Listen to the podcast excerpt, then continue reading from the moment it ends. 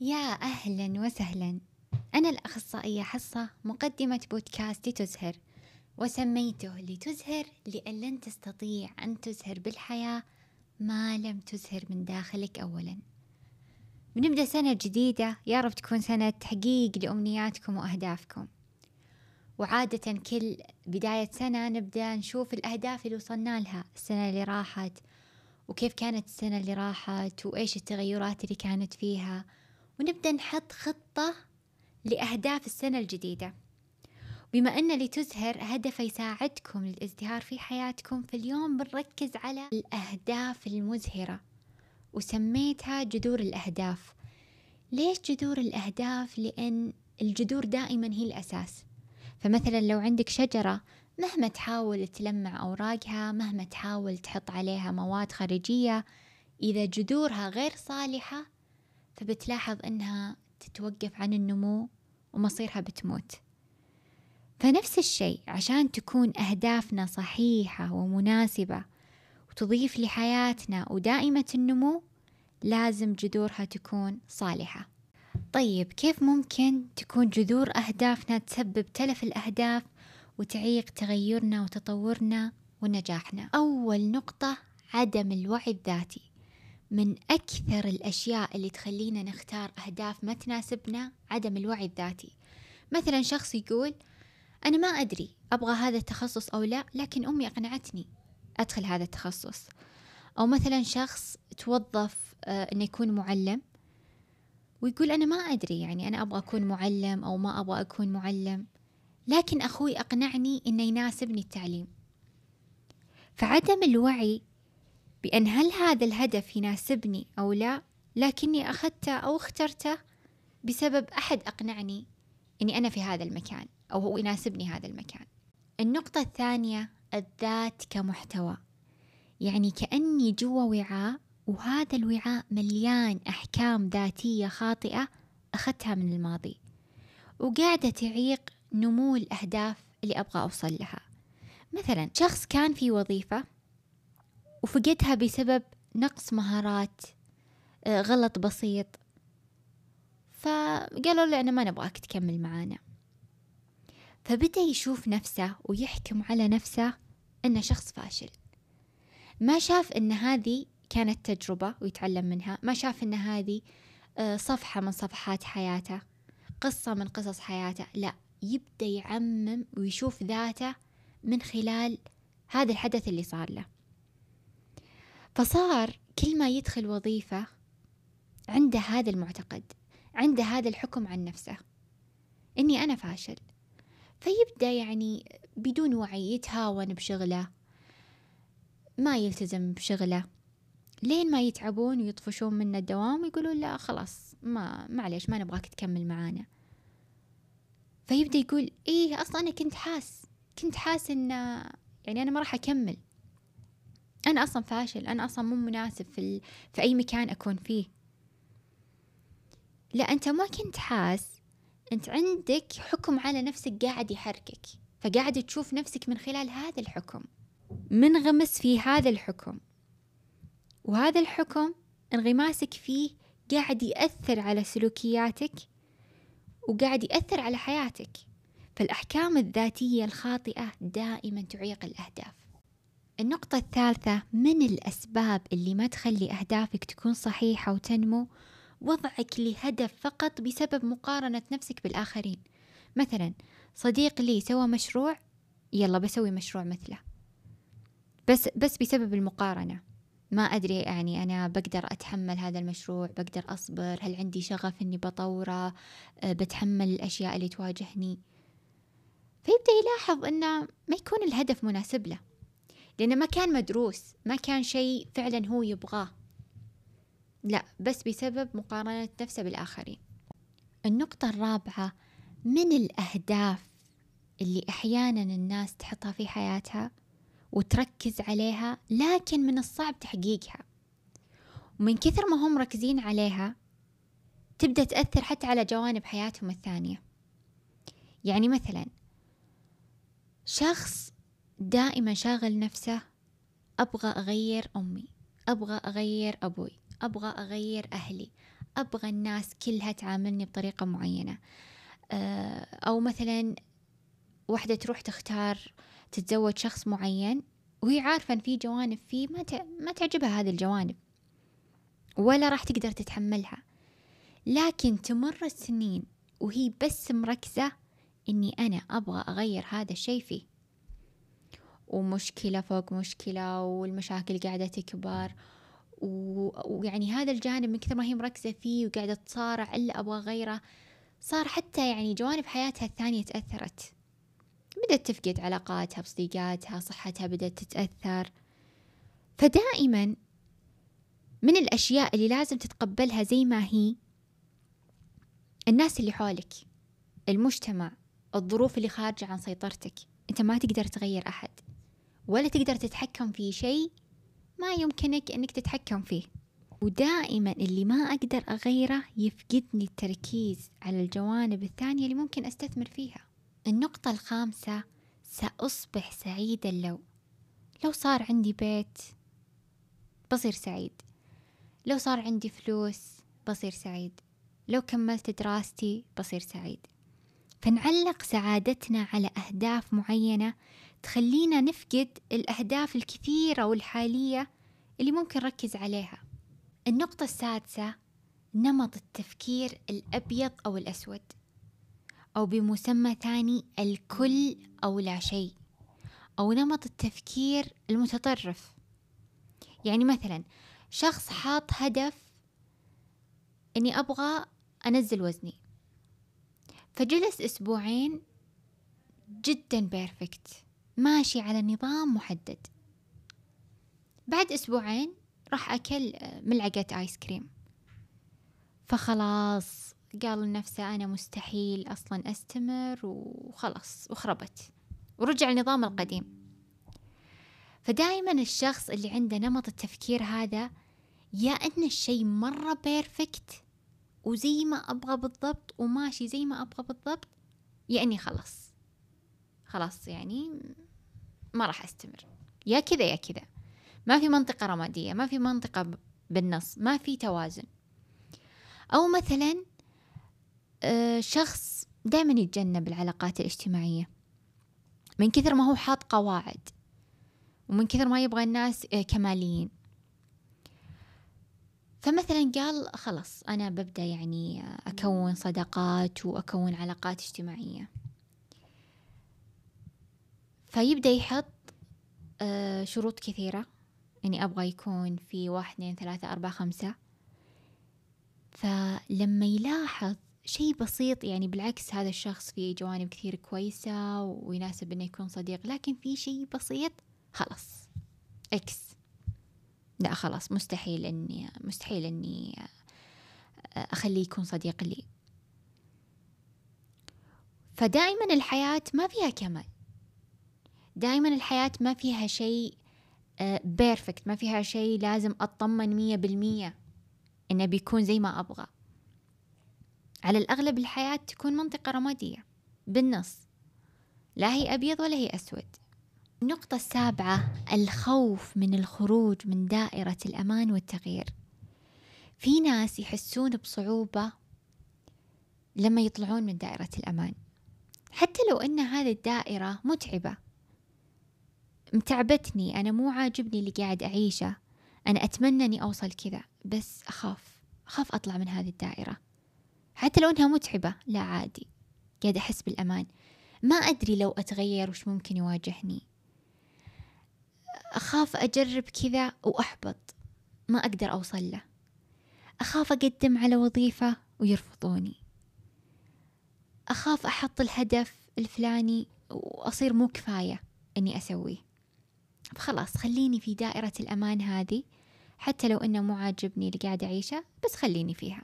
النقطة الثامنة عقلية الشجرة والحجرة. من الأسباب اللي تعيق الأهداف عقلية الحجرة. هذه العقلية عقلية صلبة ثابتة. ما تتطور ولا تنمو. تؤمن إن حالها اللي انولدت فيه خلاص بيكون مستمر ولا يمكن تغييره. أنا ولدت في عائلة دائما تحطمني؟ خلاص مستحيل إني أنجح.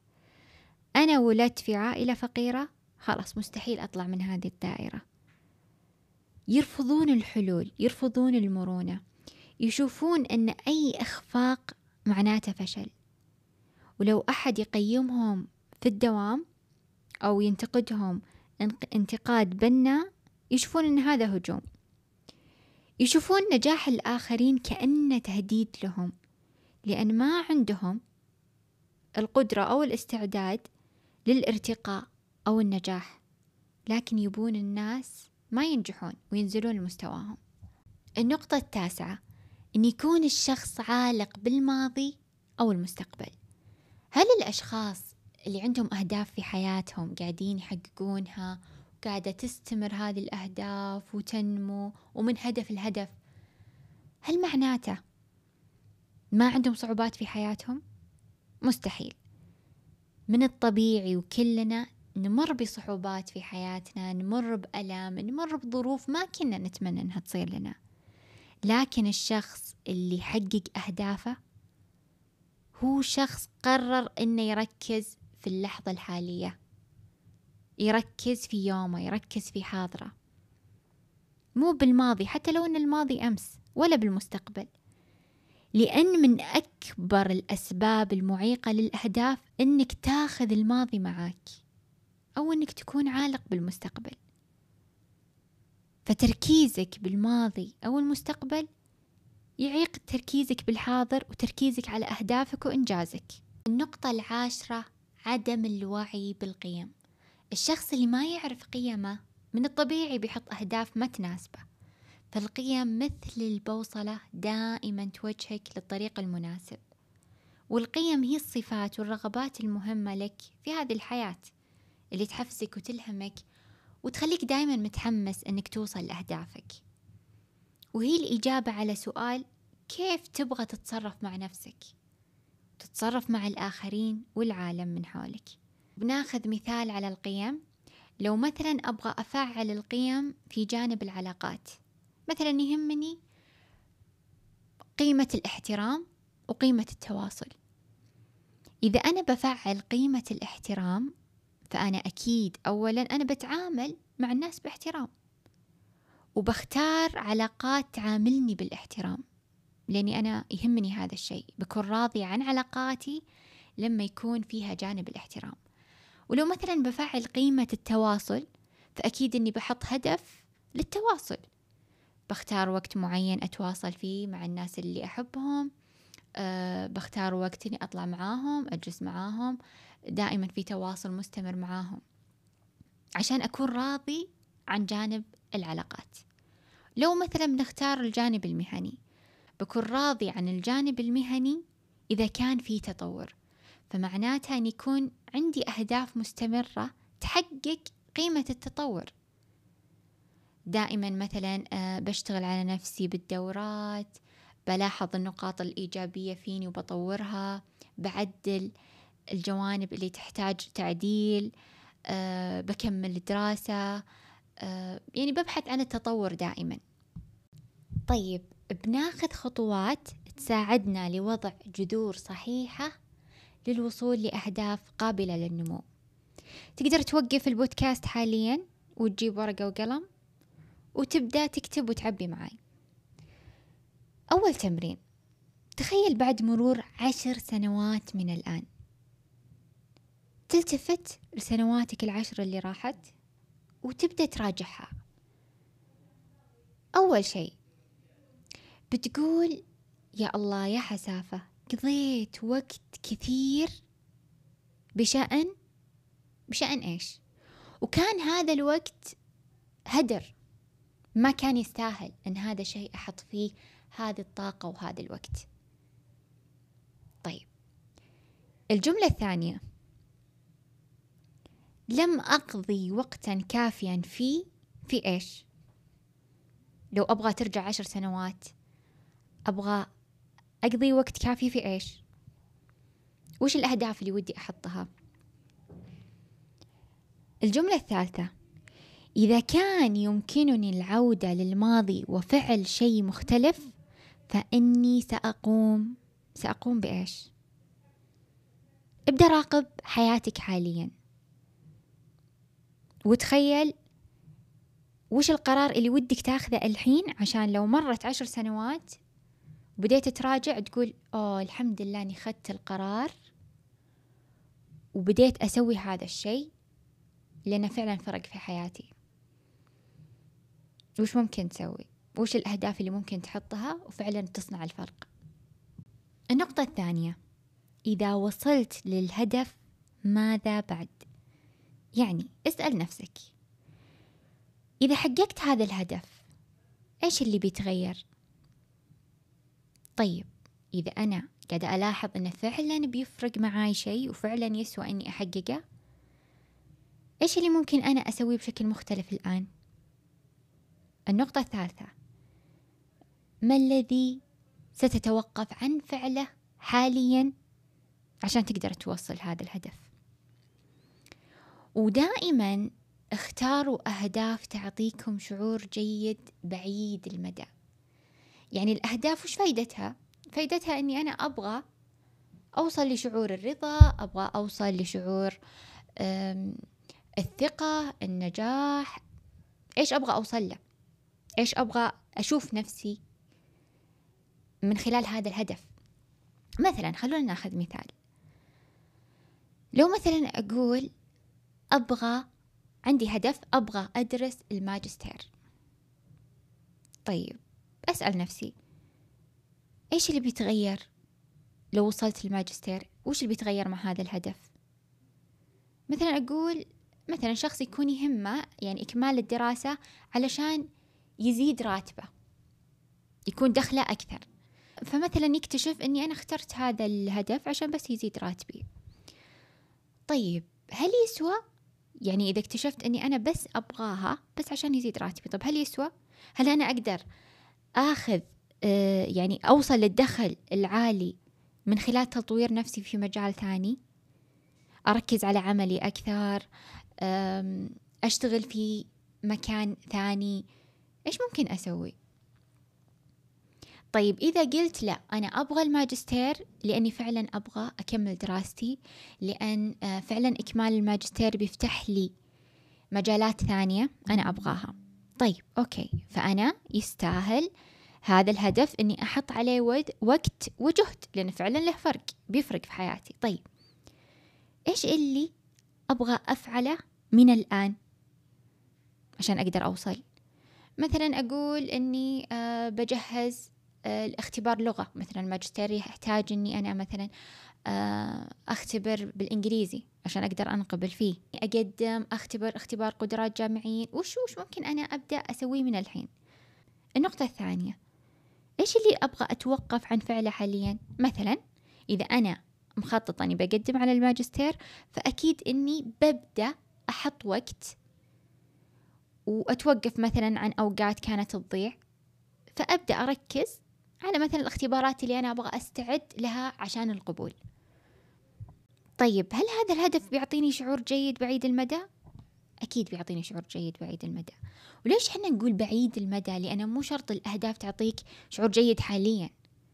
يعني أنا حاليا مثلا عادي بيكون عندي شوية ضغط شوية ترتيبات آه، أحس في صعوبة لكن بعيد المدى أكيد بنبسط. وغيرها من الأهداف مثلا الناس اللي يبغون آه، يوصلون لوزن معين. فأكيد ببدأ أحس بصعوبة على الالتزام وعلى الرياضة وعلى تنظيم الأكل وزي كذا. لكن هل بيجيني شعور بعيد المدى؟ جيد؟ أكيد. النقطة اللي بعدها تركيزك على المفقود يفقدك الموجود. إذا كنت تلاحظ أن دائما تفكيرك في المستقبل ومعلق سعادتك على أهداف مستقبلية. زي النقطة اللي قلناها أنا ما راح أكون سعيدة إلا لما مثلا أشتري بيت إلا مثلا آه، يصير عندي المبلغ الفلاني إذا مثلا أخلص دراستي إلى آخره. طيب إذا أنت تلاحظ أنك من هذا النوع ركز.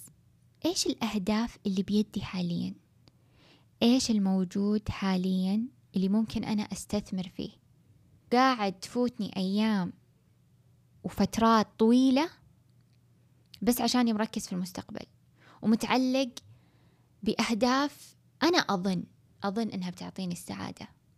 وانتبه تقارن نفسك بالآخرين. ليش الناس اللي في عمري وصلوا لهذا الهدف وأنا ما بعد وصلت؟ لأن هذا الشيء بس بيعطيك إحباط. بيخليك عالق. تحس إنك محبط. وإن خلاص راحت عليك. لكن دائما تذكر إنك أنت في الوقت المناسب. دامك تسعى فأنت في الوقت المناسب. وما تدري ممكن هذا الشيء تأخر علشان أنت تركز في شيء ثاني وهذه كثير ناس لاحظوها. تأخروا في جانب معين فراحوا ركزوا في جوانب ثانية في حياتهم فاكتشفوا بعدين أن الحمد لله الحمد لله أن هذا الشيء تأخر. لو أني أنا ما تأخر علي كان ما قدرت أوصل للي وصلت له الحين. النقطة اللي بعدها التوازن اللي بيعطيك شعور جيد بعيد المدى وبيخليك متوازن مع أهدافك وقاعد تستمر أنك تكون متوازن في جميع جوانب حياتك. دائما الشخص اللي يلاحظ أن أهدافه تنمو هو عنده توازن في جميع جوانب حياته. عنده جانب تطوير الشخصي الجانب آه، الروحاني جانب العلاقات جانب المهنة جانب المتعة. فكل جانب قاعد يطوره وعنده أهداف فيه. فمثلا الشخص اللي بس بيركز على جانب المهنة مصيره بيتعب وحتى جانب المهنة بيتركه. أو الشخص اللي يركز بس على جانب العلاقات بيبدأ يلاحظ أن حياته الثانية قاعدة تتأثر. ما عنده وقت لنفسه ما عنده وقت يطور فيه نفسه ما عنده وقت آه، يطور فيه شغله ما عنده أي أهداف ثانية. فالتوازن شيء جدا مهم. النقطة اللي بعدها اجعل اللحظة الحالية تصنع الفرق. لاحظ إيش اللي قاعد تفكر فيه الآن؟ هل تفكيرك في المستقبل أو بالماضي. هل أنت منغمس مع الماضي أو المستقبل وقاعد يأثر على مزاجك وعلى سلوكياتك ويفقدك التركيز على أهدافك؟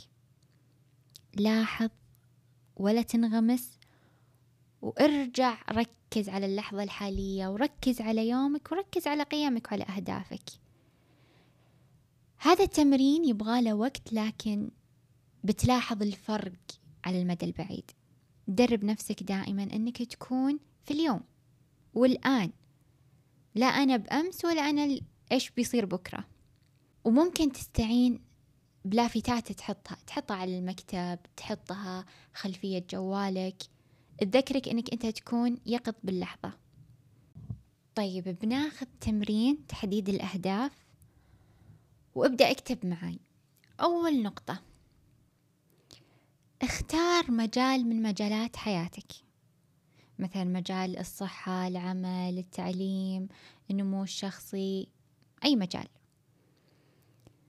النقطة الثانية اختار قيمة من القيم مثل القيم اللي ذكرناها. اللطف الاحترام النمو التطور ال... إيش القيم اللي لو اخترتها في هذا المجال أنت بتكون مبسوط وراضي عن نفسك وبيعطيك شعور جيد بعيد المدى. وإيش القيم اللي لو اخترتها بتحفزك وتلهمك على الاستمرار على الأهداف؟ يعني دائما حنا نتحمل الخطوات ونتحمل آه، التغيير علشان فيه قيم أنا تهمني. أنا بكون راضية عن حياتي إذا أنا لاحظت مثلا أني دائما في تطور. فأكيد أني بتحمل الأهداف اللي بحطها. النقطة الثالثة تعيين هدف ذكي. وش معنى الهدف الذكي؟ نختصرها بكلمة SMART S معناته محدد. يعني ما أقول مثلا أنا أبغى أكون أحط قيمة اللطف. طيب okay.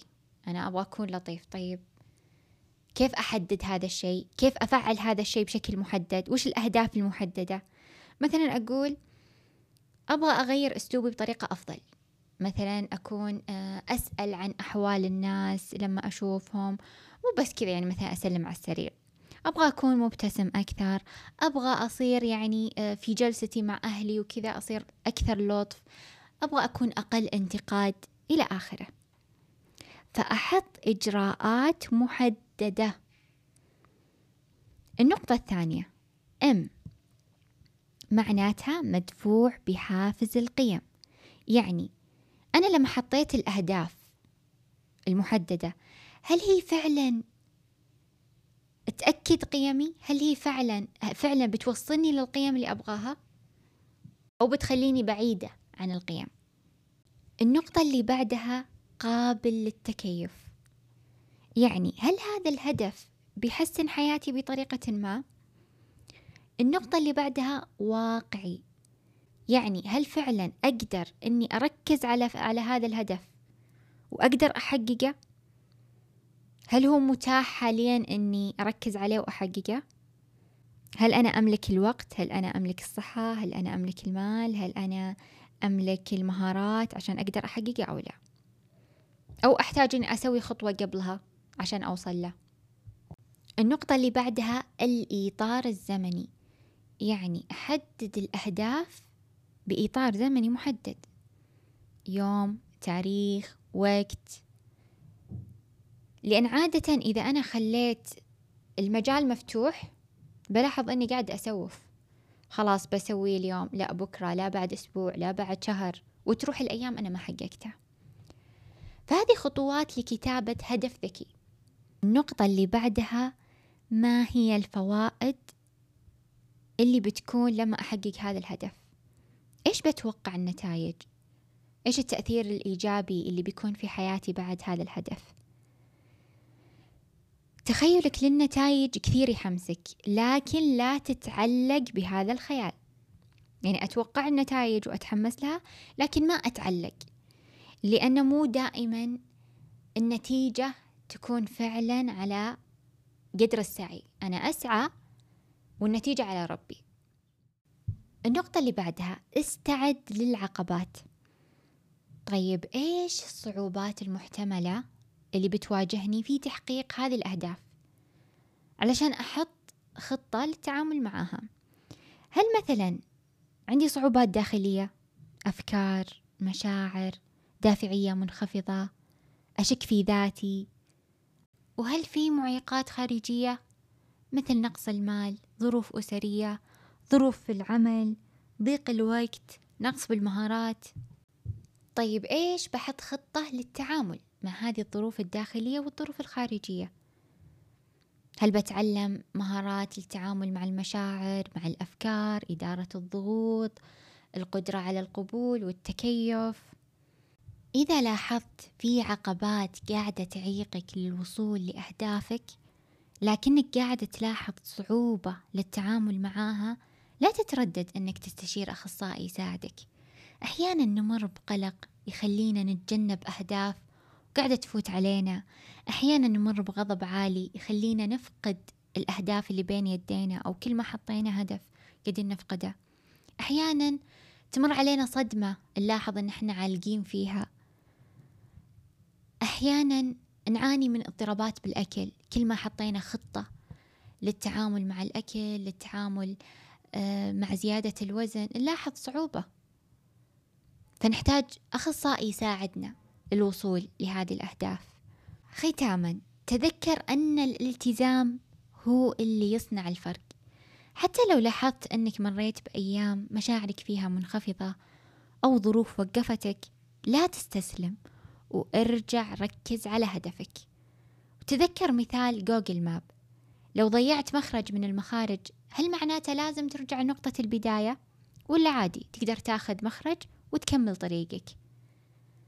فهي نفس تعاملنا مع الأهداف. إذا أنت ضيعت المخرج ووقفت بسبب أي ظرف من الظروف مو معناته أن كل سعيك الماضي راح. لا. سعيك الماضي كلة له أثره وكان مفيد جدا. فأرجع وكمل. شكرا لوصولك للاستماع لنهاية الحلقة. أتمنى مشاركتك لهذه الحلقة مع أهلك وأصحابك للفائدة. كونوا بالقرب.